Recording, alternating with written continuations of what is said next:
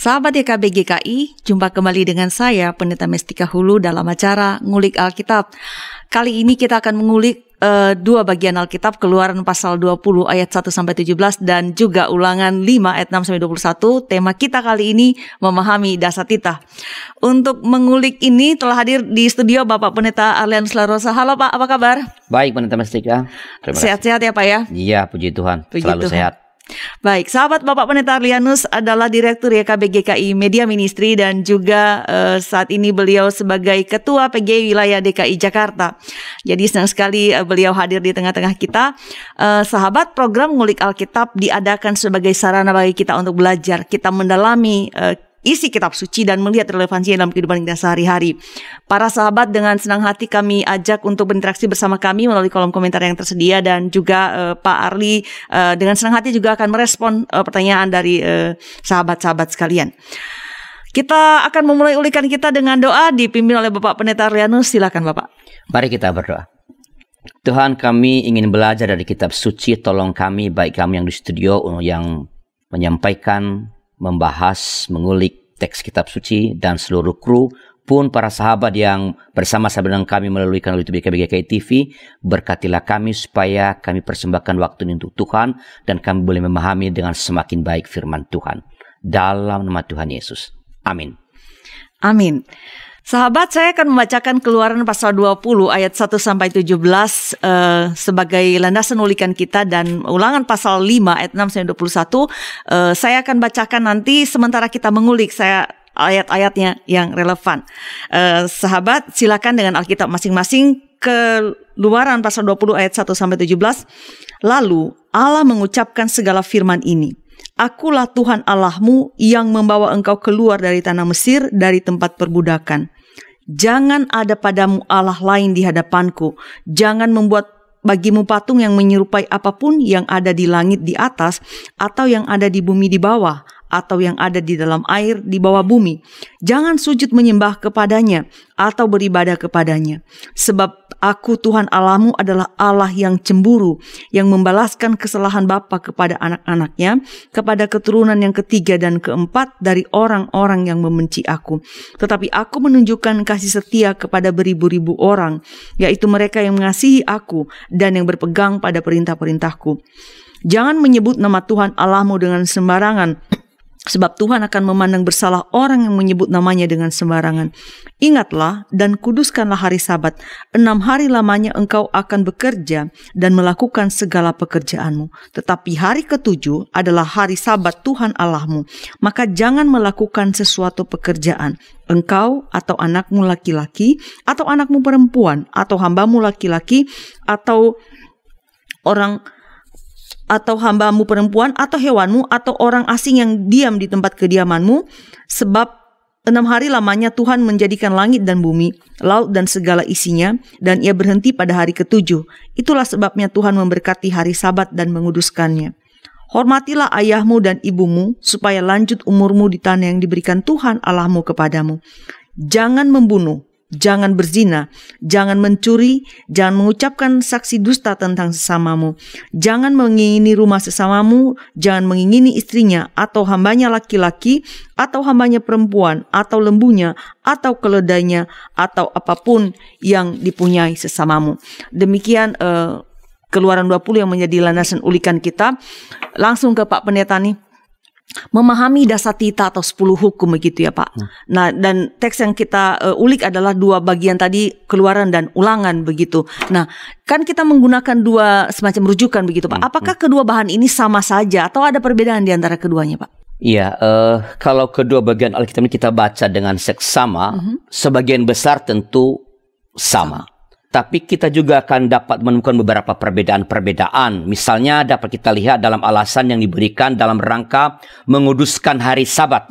Ya, kitab Keluaran yang tadi pendeta uh, Mestika baca itu mengajukan alasan Tuhan menciptakan alam semesta selama enam hari. Ya. Pada hari ketujuh Tuhan beristirahat. Jadi karena Tuhan beristirahat, kita beristirahat. Ya. ya. Karena itu manusia harus menguduskan hari istirahat Tuhan tersebut. Berbeda dengan itu, kitab ulangan mengajukan alasan yang berhubungan dengan peristiwa keluaran dari Mesir. Secara khusus satu orang-orang Israel sebagai budak di sana. Dengan demikian, pengudusan hari Sabat di sini di dalam kitab Ulangan berhubungan dengan masalah harkat manusia, bukan hmm. soal karena Tuhan beristirahat, ya. tapi harkat manusia. Artinya, manusia bahkan tanah tidak boleh dieksploitasi. Hmm. Ya, nggak boleh diterus menerus dieksploitasi terus menerus. Manusia, binatang dan tanah harus diberi waktu istirahat. Begitu. Hmm, baik. Uh, hukum. Jadi diuraikan satu persatu. Nah, uh, kalau bicara secara menyeluruh kan mungkin uh, menangkapnya kurang kurang maksimal begitu Pak. Nah, -hmm. untuk memudahkan kita kita lihat satu persatu dan -hmm. saya berharap Bapak bisa uh, memberikan penjelasan maknanya begitu. Nah, kita mulai dari uh, mengulik dari uh, hukum pertama, ulangan uh, 5 6 sampai 7 saya baca kembali yeah, ya Pak yeah, sebelum Bapak yeah, menjelaskan yeah. ya. Ulangan 5 6 sampai 7 dikatakan di sana bahwa Uh, akulah Tuhan Allahmu yang membawa engkau keluar dari tanah Mesir dari tempat perbudakan. Jangan ada padamu Allah lain di hadapanku. Nah ini hukum juga. Jadi apa maknanya ini Pak? Nah uh, ketika hukum pertama ini disampaikan kepada Israel pada waktu itu ya, ya maka seluruh dunia pada saat itu sudah ada kepercayaan kepada Allah. Mm. Jadi orang-orang yang lain juga di bangsa orang percaya. Bahkan setiap bangsa mempunyai ilahnya sendiri-sendiri. Dan bangsa-bangsa yang sudah memiliki uh, ilahnya sendiri itu adalah bangsa-bangsa yang besar adidaya seperti uh, Assyria dan Mesir. Mm-hmm. Nah, hal ini tentu dapat menjadi ancaman bagi Israel Artinya, mm-hmm. cara mereka menyembah ilahnya dapat memengaruhi Israel, bahkan dapat membuat Israel menyembah ilah mm-hmm. bangsa-bangsa itu. Nah, hukum pertama ini memberikan peringatan kepada Israel bahwa mereka hanya boleh menyembah kepada Tuhan Allah saja. Hanya dialah yang patut disembah. Mm. Hanya kepadanya lah manusia pantas dan patut menyerahkan atau mempercayakan seluruh hidupnya. Sebab Bukankah Tuhan telah membuktikan membuktikan keperkasaannya dengan membebaskan Israel dari tanah perbudakan di Mesir? Mhm. Bukankah ia telah mengalahkan ilah sembahan bangsa Mesir ya sehingga ia mereka tidak dapat ditahan oleh oleh Firaun. Ya. Nah, dalam konteks masa kini Hukum pertama ini berbicara dalam dua arah sekaligus. Hmm.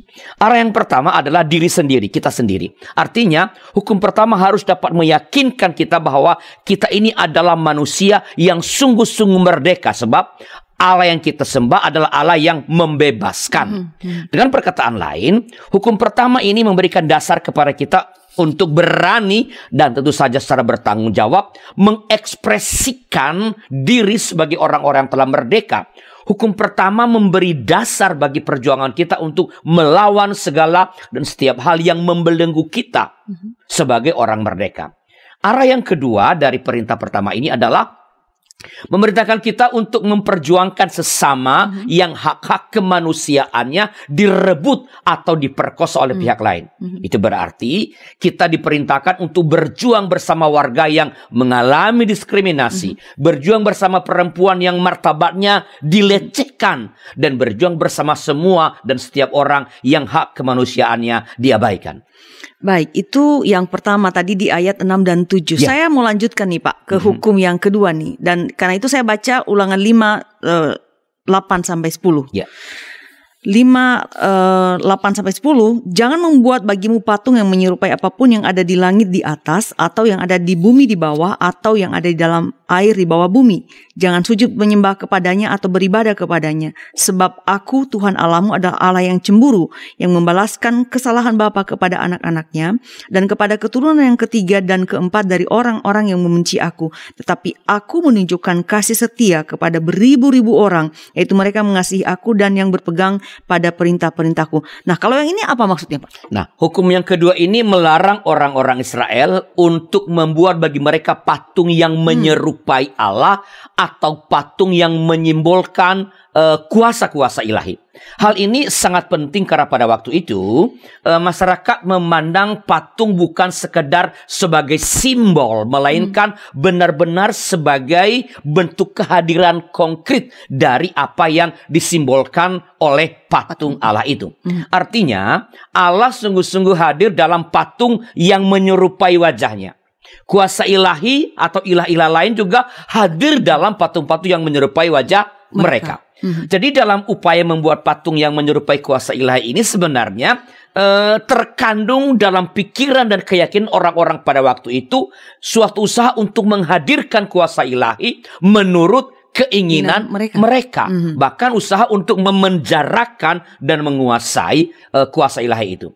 Nah, inilah yang diingatkan bahkan dilarang oleh hukum yang kedua ini.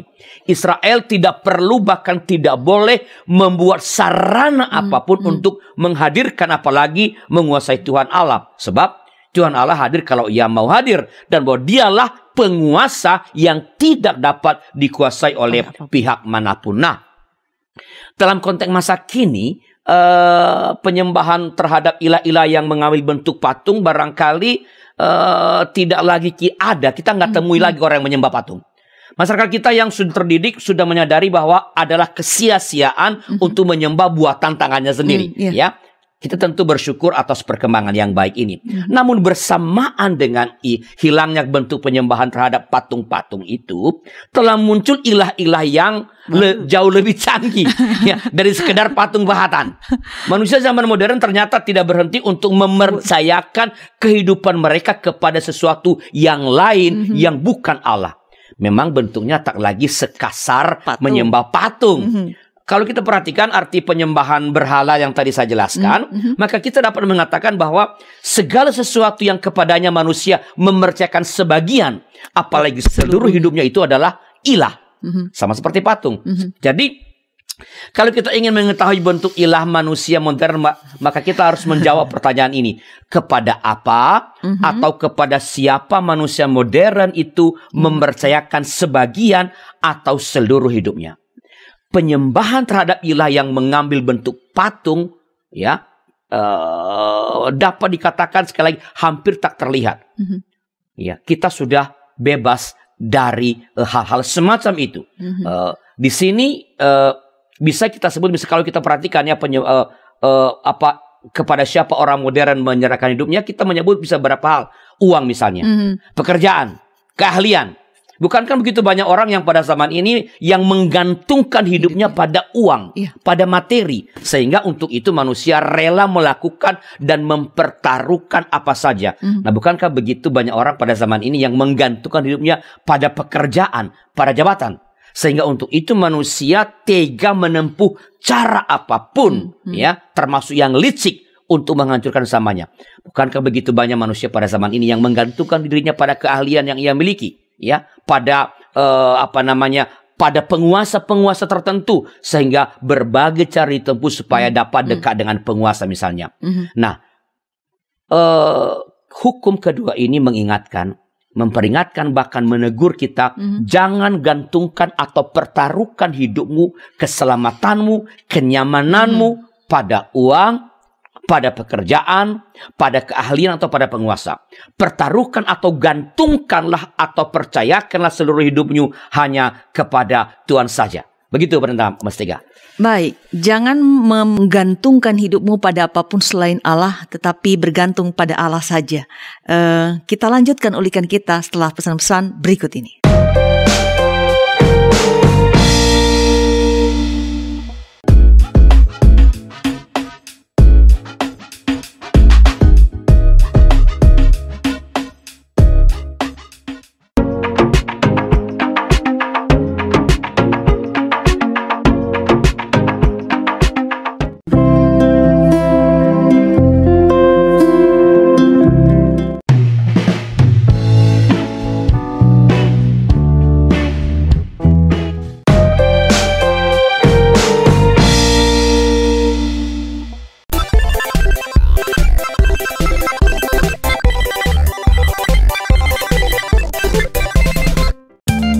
Sahabat, mari dukung pelayanan dan pekabaran Injil melalui YKB dengan membagikan link acara ini kepada sebanyak mungkin orang.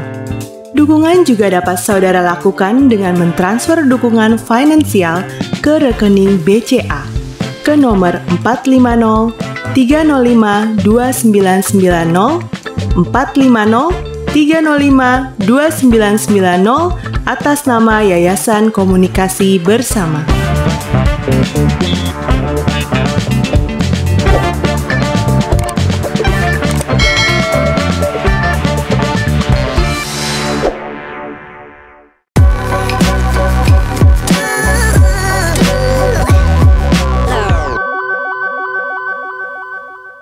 Terima kasih masih bersama kami di Ngulik Alkitab di kanal YouTube YKB GKI TV. Saya Pendeta Mestika Hulu dan narasumber kita Bapak Pendeta Arianus Larosa. Eh, sahabat, saat ini kita sedang mengulik eh, Keluaran pasal 20 ayat 1 sampai 17 dan juga Ulangan pasal 5 ayat 6 sampai 21.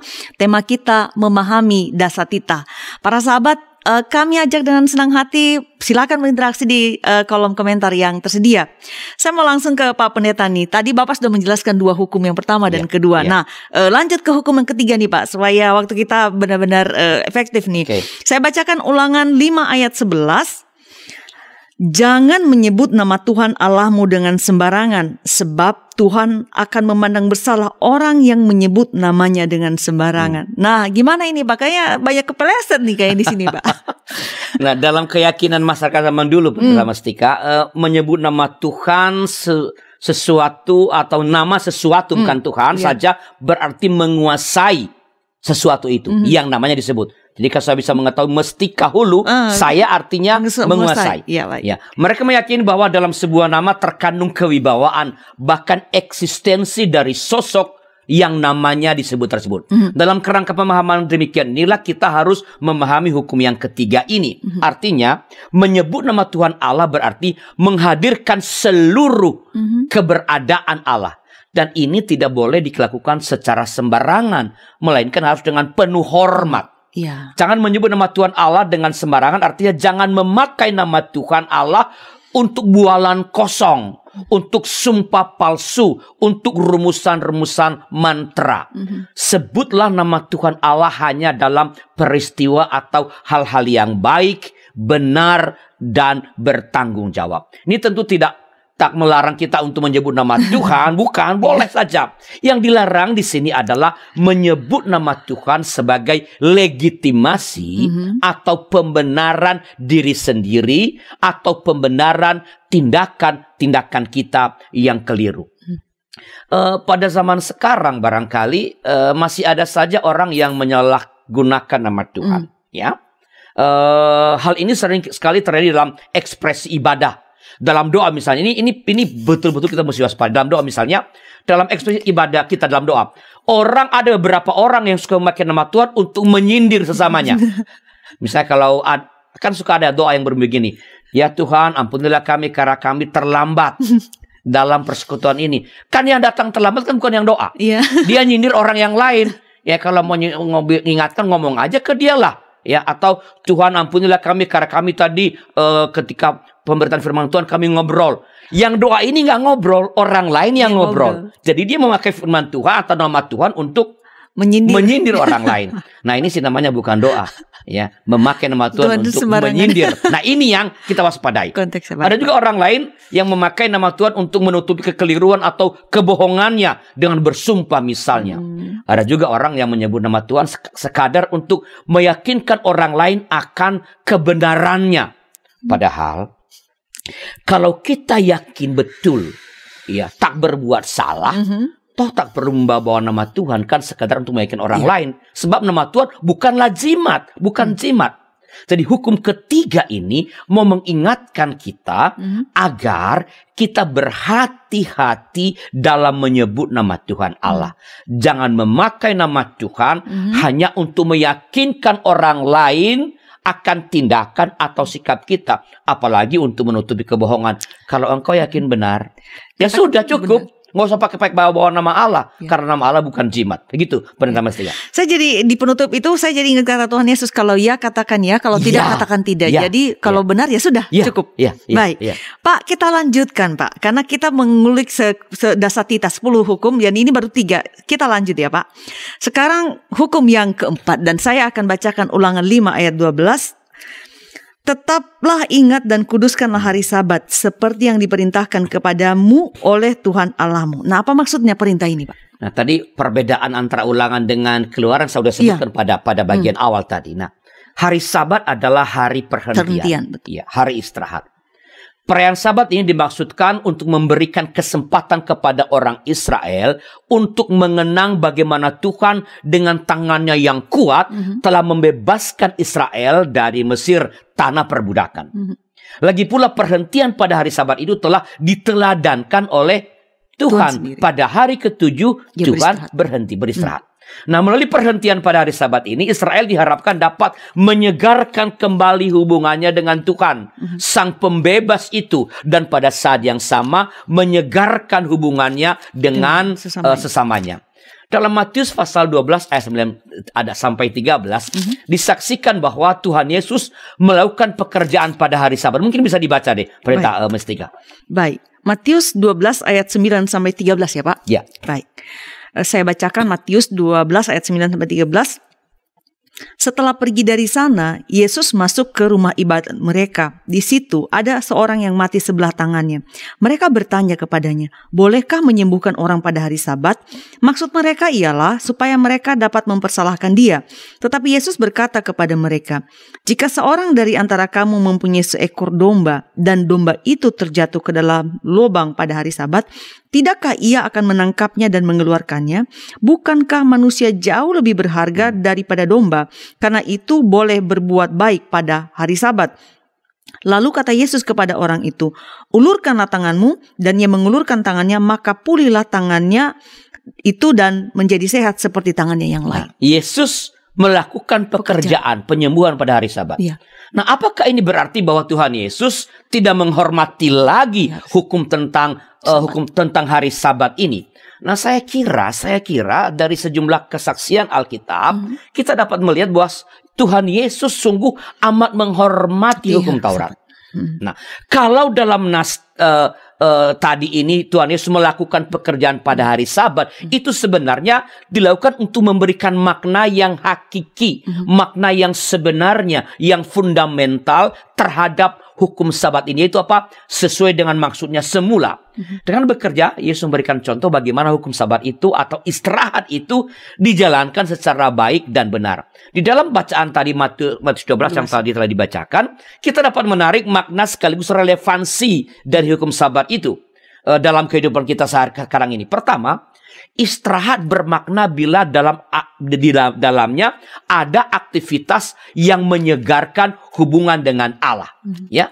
Dalam ayat ini dalam ayat 9 tadi dalam eh, Matius pasal 12 tadi itu terlihat Yesus memanfaatkan hari Sabat untuk beribadah dalam rumah ibadat. Iya.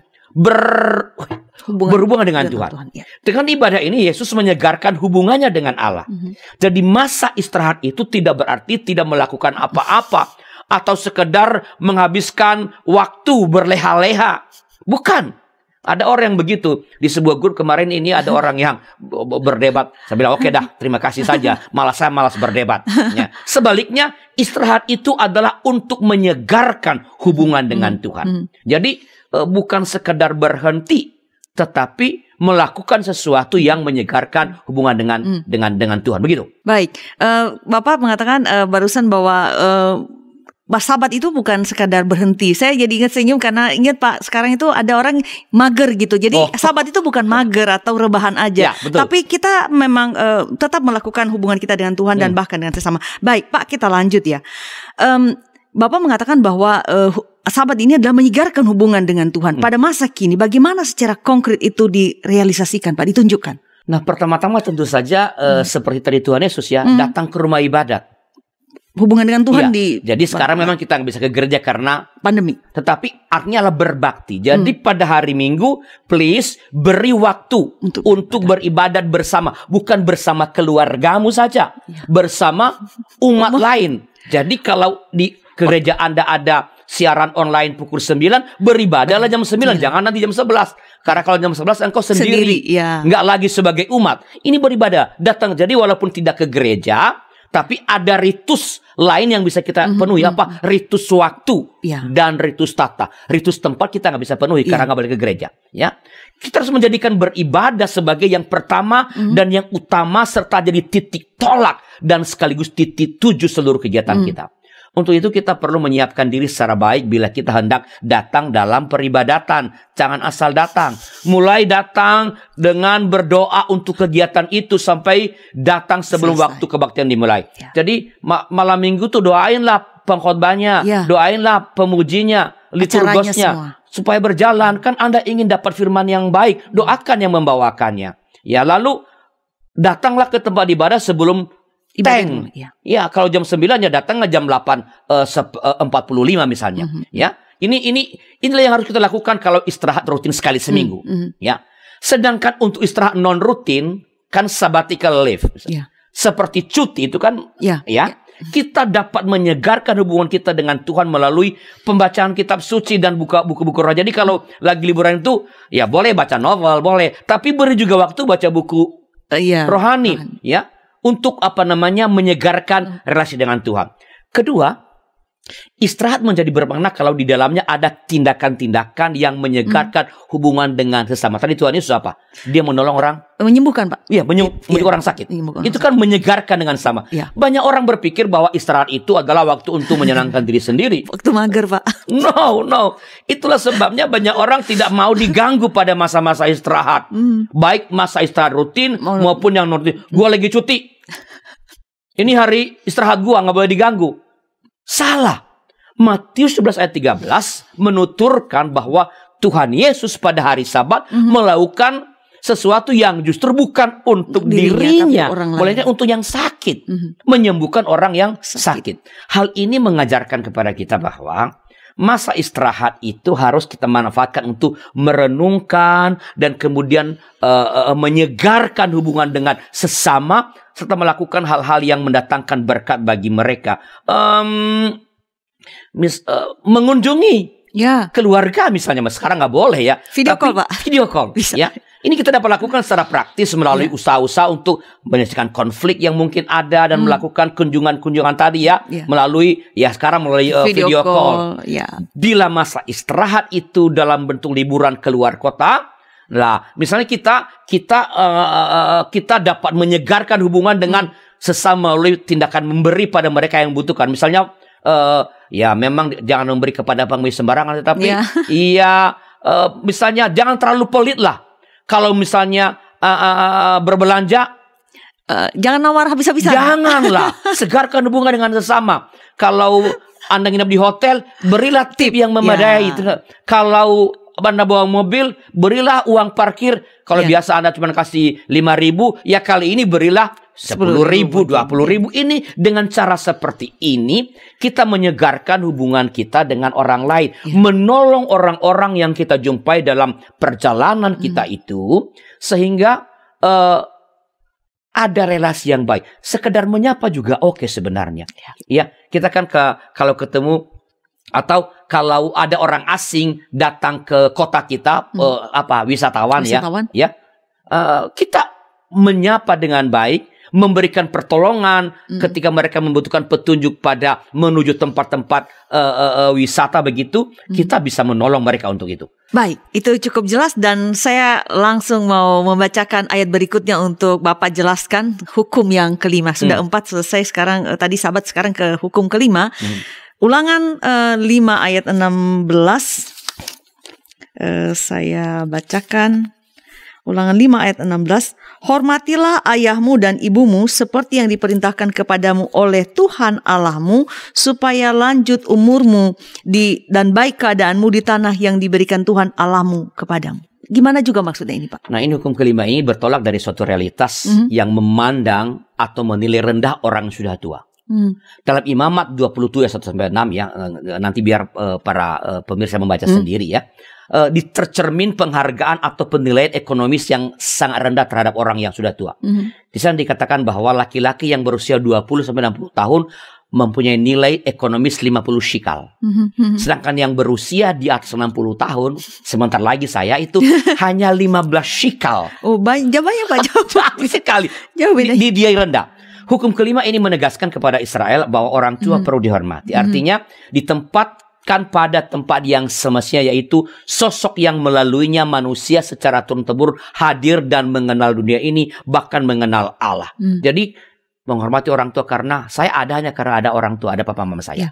Dalam konteks masa kini, hukum kelima ini memerintahkan kepada setiap yang berstatus sebagai anak untuk mengakui otoritas dan kewibawaan kewibawaan yang tersertakan dalam status sebagai orang tua. Artinya, mengakui bahwa orang tua itu memang mempunyai wewenang tertentu yang patut kita hormati, dihargai, dan diterima. Ini adalah perintah yang tidak bisa tawar-menawar. Mhm. Konflik antara orang tua dan anak sering terjadi karena anak-anak tidak lagi tidak lagi apa namanya uh, uh, menghargai orang tuanya Hmm. ya kita mesti mengingat bahwa anak-anak mesti mengingat pertama kehadiran kehadiran kita dalam dunia ini hanya dapat terjadi karena ada orang tua, Tua, kita. iya.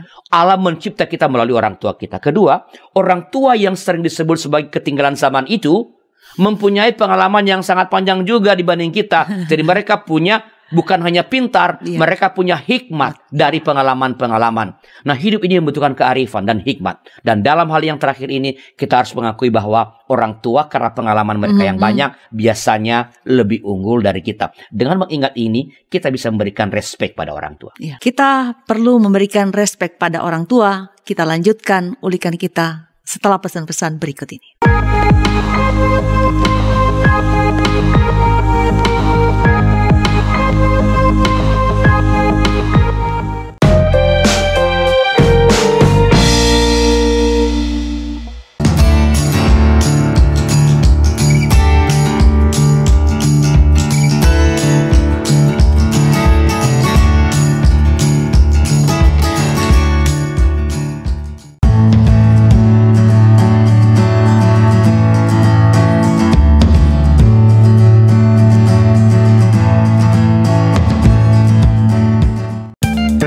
Sahabat, mari dukung pelayanan dan pekabaran Injil melalui YKB dengan membagikan link acara ini kepada sebanyak mungkin orang.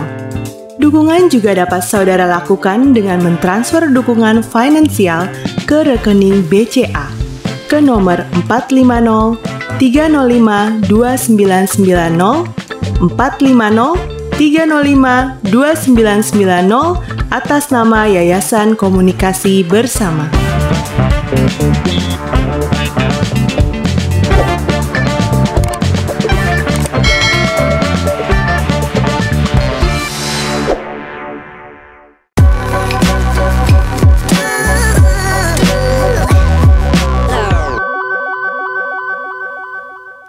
Terima kasih sahabat masih bersama kami di Ngulik Alkitab. Eh, Saya Pendeta Mestika Hulu dan narasumber kita Bapak Pendeta Arlianus Larosa. Kita sedang mengulik keluaran pasal 20 ayat 1 sampai 17 dan ulangan 5 ayat 6 sampai 21. Tema kita memahami dasar kita. Kita berada di segmen terakhir namun para sahabat tentu saja masih dapat berinteraksi bersama kami maupun mengajukan pertanyaan kepada Bapak Pendeta Arlianus yang menjadi narasumber kita. Eh, saya mau langsung saja eh, melanjutkan ulikan ini ke Bapak Pendeta karena waktu kita tinggal satu eh, segmen dan itu sedikit.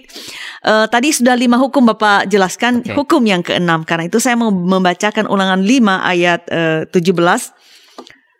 Pendek saja, jangan membunuh. Nah, gimana ini Pak? Apa kan jarang Pak, saya belum pernah membunuh Pak.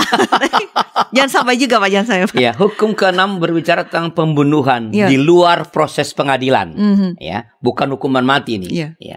Jadi ini merupakan antisipasi terhadap diberlakukannya hukum rimba. Hmm. Ya, mata ganti mata gigi Gigi ganti gigi, ya. ya. Dengan hukum ini Israel dilarang membunuh karena balas dendam. Mhm. Dilarang membunuh masyarakat sipil bila terjadi peperangan. Ini udah sangat maju loh ini. Eh, eh, eh, pada waktu itu ya, iya. pemikirannya. Segala bentuk pertikaian yang mengarah pada tindakan pembunuhan harus diselesaikan melalui proses peradilan. Mhm. Saya percaya bahwa seperti tadi pendeta Mustika mengatakan tak seorang pun di antara kita yang yang no, ikut acara ini kali ini yang ngulik Alkitab ini yang pernah jadi pembunuh. Pembunuh, iya. Ya. Mungkin membunuh kecoa juga orang nggak berani takut. Wah, lari. Tapi Nah, nyamuk Pak. So, jangan menghil jangankan menghilangkan nyawa sesama, menghilangkan nyawa binatang juga saja. kita kadang-kadang nggak tega. Betul. Ya, ada orang nggak tega tuh bu- apa eh, motong ayam begitu. Hmm. Ya, tetapi eh, harap kita tetap waspada. Mhm. Kenyataan ini tidak dengan sendirinya mengatakan bahwa kita bebas dari hukum jangan membunuh ini. Hmm, hmm. Sebab dalam Matius 5 Matius ayat 5. 22 sampai 20 21 22 Yep. Tuhan Yesus memberikan penafsiran yang sangat radikal. Coba dibaca deh. Baik. Matius 5 ayat 21 dan 22 ya Pak. Ya. Kamu telah mendengar yang difirmankan kepada nenek moyang kita, jangan membunuh. Siapa yang membunuh harus dihukum. Tetapi aku berkata kepadamu, setiap orang yang marah terhadap saudaranya harus dihukum. Siapa yang berkata kepada saudaranya kafir harus dihadapkan ke mahkamah agama. Dan siapa yang berkata jahil harus diserahkan ke dalam neraka yang menyala-nyala. Nah ini ini ini, tafsiran Hmm. Tuhan Yesus ya. Jadi Tuhan Yesus ini mem- memasukkan tindakan atau sikap tertentu yang biasa kita anggap sebagai sesuatu yang biasa saja, yang sepele, justru itu masuk dalam kategori kategori Pembunuhan. membunuh. Hmm. Tindakan atau ikut apa tadi dikatakan pertama adalah kemarahan. Siapa Ya. yang marah kan? Iya. Ya. Tidak tidak semua kemarahan dapat di- dikategorikan tentu sebagai tindakan pembunuhan. Kemarahan yang di- mu- muncul karena ketidakadilan misalnya, eh, kemarahan yang muncul karena penyelewengan, penindasan yang dilakukan oleh seseorang kepada orang lain, ini tidak termasuk di dalam eh, kategori ini. Membunuh. Bandingkan Tuhan Yesus juga marah kan ketika ada perdagangan di, Di bait, Allah. Allah, ya. betul. Dengan termasuk. Kemarahan yang masuk dalam kategori membunuh adalah kemarahan karena motif-motif egosentris Hmm. seperti kebencian, dendam, takut dirugikan, Mhm. takut tersaingi. Dan kalau kita mau jujur, dari kebencian ini, orang takut dirugikan ini, lalu marah, itu bisa berujung pada Pembunuhan, pembunuhan juga. Betul. sebenarnya. Tapi tindakan eh, apa namanya marah karena kita benci pada orang, nah ini dalam eh, tafsir Tuhan Yesus masuk dalam kategori Membunuh. membunuh. Nah kata kedua tadi apa sikap kedua adalah memandang bodoh orang lain, Iya, betul ya? Iya. Eh, siapa berkata kafir? Ya, kafir bagian ya. Iya. ber- Dalam Alkitab bahasa Indonesia diterjemahkan dengan kata apa tadi kafir ya? Kafir. Arti kata ini sebenarnya kata kata raka dalam Hmm, bahasa hmm, Yunani sebenarnya itu tolol. Oh. Tolol. Iya. Iya. Rendah itu ya, Iya, Pak ya. Tak berotak, berkepala kosong itu maksudnya Iya. raka, kafir di situ. Hmm. Ya. Tuhan Yesus menyejajarkan sikap memandang orang lain sebagai orang bodoh itu atau tak berotak ini ke dalam tindakan pembunuhan. Dengan perkataan lain, siapa yang memandang diri sendiri sebagai orang yang paling pintar, Lebih ya, tinggi dari yang ya, Mhm. paling tahu segala-galanya, Mhm. sedangkan orang itu bodoh lu, ya, tidak tahu apa-apa kamu, Mhm. maka sesungguhnya ia sedang melanggar hukum jangan membunuh. membunuh. Ya. Nah, kata ketiga tadi menukut sama sebagai apa? Jahil. Jahil, Ya. bebal. Ya, sebenarnya bebal ya.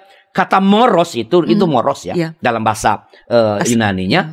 Eh, yang oleh LI diterjemahkan dengan kata jahil sebenarnya berarti bebal. Hmm. Seseorang yang disebut bebal adalah seseorang yang tidak bermoral Mhm. dan tidak mengakui adanya Tuhan. Mhm. Ya Mazmur 14 ayat, ayat pertama mengatakan orang bebal berkata dalam hatinya Tidak tidak, ada Allah. Busuk dan jijik perbuatan mereka, tidak ada yang berbuat baik. Nah, sikap menghakimi sesama Mhm. sebagai orang yang tak bermoral Mhm. atau yang tidak percaya kepada Tuhan ini dikategorikan oleh Tuhan Yesus sebagai tindakan Membunuh. pembunuhan. Nah, jadi peneliti mestika, bila melihat tiga sikap atau tindakan yang dikategorikan oleh Tuhan Yesus sebagai tindakan membunuh ini, maka kita harus benar-benar waspada. Ya. Sebab semua sikap atau tindakan yang seperti ini tadi Mhm. bagian dari keseharian kita. Kita suka marah, menganggap orang lain Bodoh, bodoh, menganggap bebal. orang ya it- hati-hati Ya. karena dalam pandangan Tuhan Yesus ini adalah tindakan Pembunuh. pembunuhan. Baik. Eh, Sementara Bapak menjelaskan, saya mengingat bahwa ada mungkin Bapak juga f- familiar dan para sahabat juga akrab dan eh, istilah bahwa kata-kata itu bisa menjadi pembunuhan karakter, Pak. Yap. Tuduhan. Ya. Jadi ya. memang tidak secara membawa Iya, iya. barang benda tapi eh, Iya, kata-kata iya, pembunuhan iya, karakter. iya. Baik, kita lanjut nih Pak. Masih ada empat hukum lagi yang masih kita ulik. Jadi eh, bagaimana penjelasan hukum-hukum yang keempat? Tadi kan sudah sampai ke ke enam itu jangan membunuh. Yang seterusnya ini, eh, ya saya bacakan ketujuh ya. ya ke tujuh dan sampai ke sepuluh Pak. Oke. Saya bacakan tadi kita sudah sampai di eh, ayat 17, ayat 18 sam, eh, dikatakan jangan berzina, kemudian jangan mencuri, jangan mengucapkan saksi dusta tentang sesamamu, jangan mengingini istri sesamamu dan jangan menghasratkan rumahnya atau ladangnya atau hambanya laki-laki atau hambanya perempuan atau lembunya atau keledainya atau apa pun yang dipunyai sesamamu. Nah, ini dirangkumkan. Jadi bagaimana keempat yang lain ini, Pak? Setelah kita bicara yang keenam. Nah, ini hukum ketujuh kan jangan bersinah. Mhm. Nah, arti dasarnya dari eh, adalah jangan melakukan hubungan kelamin, hubungan seks Mhm. dengan istri orang lain, Mhm. ya. Jadi hukum ketujuh ini bertujuan untuk melindungi atau menjaga kekudusan Hmm. atau keharmonisan keluarga. Ya. Itu eh, itu yang dimaksud. Jadi artinya jangan berselingkuh lah Selingkuh, ya ya. ini. Nah, kalau hukum kedelapan tadi jangan mencuri, hukum kedelapan ini, nah ini ini mesti di- di- dipahami dengan baik, tidak berhubungan dengan perampasan harta benda nih. Hmm. Ya, kalau tadi di apa disebut tadi? Di eh, delapan jangan, jangan mencuri. mencuri, ya. Iya. Ini bukan soal mencuri harta benda. Sebab soal perampasan harta benda ini diatur dalam hukum ke-10 nanti. Hmm, hmm. Yang dimaksudkan di sini adalah tindakan penculikan sebenarnya. Artinya hukum ke-8 ini Hmm. Jangan- melarang Israel untuk melakukan tindakan Penculikan. penculikan entah dengan motif apa pun. Hmm. Ya, dilarang untuk melakukan penculikan entah dengan motif apa pun. Hukum ke-9 jangan berdusta. Iya. Hukum ke-9 ini berhubungan dengan persidangan dalam gedung pengadilan. Mhm. Jadi yang dimaksudkan di sini adalah larangan untuk memberikan kesaksian palsu Mhm. atau kesaksian selektif. Maksudnya gini loh. Ada sejumlah ke, eh, data, kita pilih data yang kita kita nggak bohong memang. Tapi kita memilih data yang menguntungkan. Iya. Nah, itu tidak melarang untuk memberikan kesaksian yang selektif dengan tujuan membela atau sebaliknya memberatkan seseorang terdakwa di dalam Pengadilan. peradilan. Mhm. Ini sangat penting eh, pendeta Mestika sebab kes- kesaksian yang palsu ini eh, eh, atau kesa- kesaksian yang selektif ini Mhm. dapat menyebabkan seseorang yang tidak bersalah dihukum mati Mhm. atau sebaliknya seseorang yang bersalah malah bebas dari tanggung jawab. Ada kan sejumlah peristiwa seperti ini. Orang duduk di penjara 30 tahun baru kemudian terbukti bukan dia Salah. yang membunuh. Iya. Salah tangkap orang Dan dia sudah menghabiskan hidupnya di di penjara. dalam penjara. Iya. Jadi betul-betul dilarang untuk memberikan kesaksian selektif Mhm. atau apalagi kesaksian yang palsu. Hukum yang ke-10 jangan mengingini istri sesamamu. Nah, Hmm. ini baru pencurian soal Harta. kan ada istri di Iya. sini ya. Nah, ini bukan mengingini secara seks nih. Iya. Kan tadi secara seks sudah di atas tadi kan. Di tu- dia eh, Iya. tujuh. Iya, ini adalah eh, eh, berbicara tentang perampasan milik sesama. Hmm. Istri yang disebut di sini, yang disebut dalam ulangan 5 ayat 21 ini dipahami sebagai bagian dari harta milik seorang suami pada waktu Itu. Hmm. ya. Jadi kalau dikatakan jangan mengingini istri sesamamu, ini bukan berarti keinginan bermotif nafsu seksual, Hmm. bukan. Karena sekali lagi udah diatur pada hukum yang Ketujuh. ketujuh. Melainkan bermotif ekonomis. Artinya menginginkan istri sesama untuk dijadikan sebagai budak atau dijual menjadi Komoditi budak. ya. Ya, jadi Nah, eh, perintah-perintah ini kan kelihatan gampang ya. Tadi kan berzina itu jelas tadi eh, mengenai kesucian keluarga. Mencuri artinya eh, apa namanya tadi ini menginginkan eh, apa hasrat eh, seksual Mhm. ya. Lalu ke mengucapkan saya ini soal bagaimana dalam pengadilan kita jangan melakukan eh, memberikan saksi kesaksian palsu atau selektif, iya. Nah, inilah eh, penjelasan-penjelasan yang apa namanya eh, dapat di samping memahami pada konteks aslinya Mhm. juga bagaimana ia relevan dalam kehidupan sekarang ini. Mhm. Nah, kalau kita memperhatikan urutan-urutan dari ke-10 hukum ini dengan seksama, maka kita dapat mengatakan bahwa ke-10 hukum itu pada dasarnya mengatur dua hal sebenarnya. Hmm. Yaitu yang pertama, hubungan antara manusia dengan Allah dan yang kedua adalah hubungan antara manusia dengan sesamanya sesamanya. secara menyeluruh. Mhm. Hukum pertama sampai keempat mengatur bagaimana manusia memandang dan menjalani hukumannya dengan Tuhan dan perintah kelima sampai perintah ke-10 mengatur bagaimana manusia se- seharusnya menempatkan dan menjalankan hubungannya dengan sesama. Nah, hal-hal yang telah kita jelaskan ini Mhm. kita harapkan, saya berharap tentu saja dapat menolong kita untuk memahami bagaimana ke-10 hukum itu dapat kita aplikasikan dalam kehidupan kita yang secara konkret. Begitu perintah Mas Tika.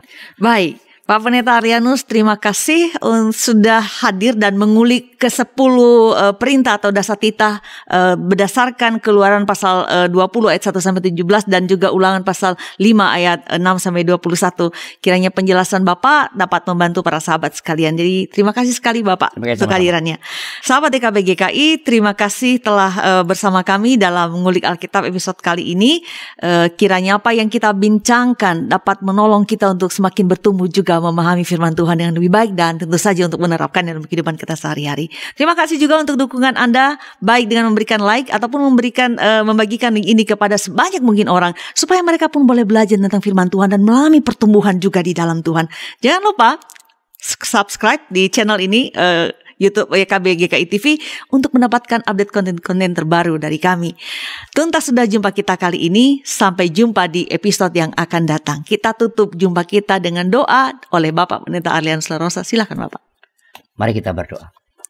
Tuhan kami mohon anugerah dan pertolongan Tuhan supaya perintahmu yang telah kau berikan berpuluh-puluh abad yang silam dapat terus kami pegang menjadi tuntunan hidup kami dasar-dasar kehidupan kami untuk menjalankan relasi kami dengan Tuhan dan dengan sesama. Berkati YKB GKI TV, seluruh kru dan seluruh peralatan yang Tuhan berikan kepada YKB supaya semua oleh itu boleh menjadi alat dalam tangan Tuhan menyebarluaskan berita Injil kepada sebanyak mungkin orang. Terima kasih ya Allah dalam nama Tuhan kami Yesus Kristus. Amin. Amin. Sahabat, mari dukung pelayanan dan pekabaran Injil melalui YKB dengan membagikan link acara ini kepada sebanyak mungkin orang.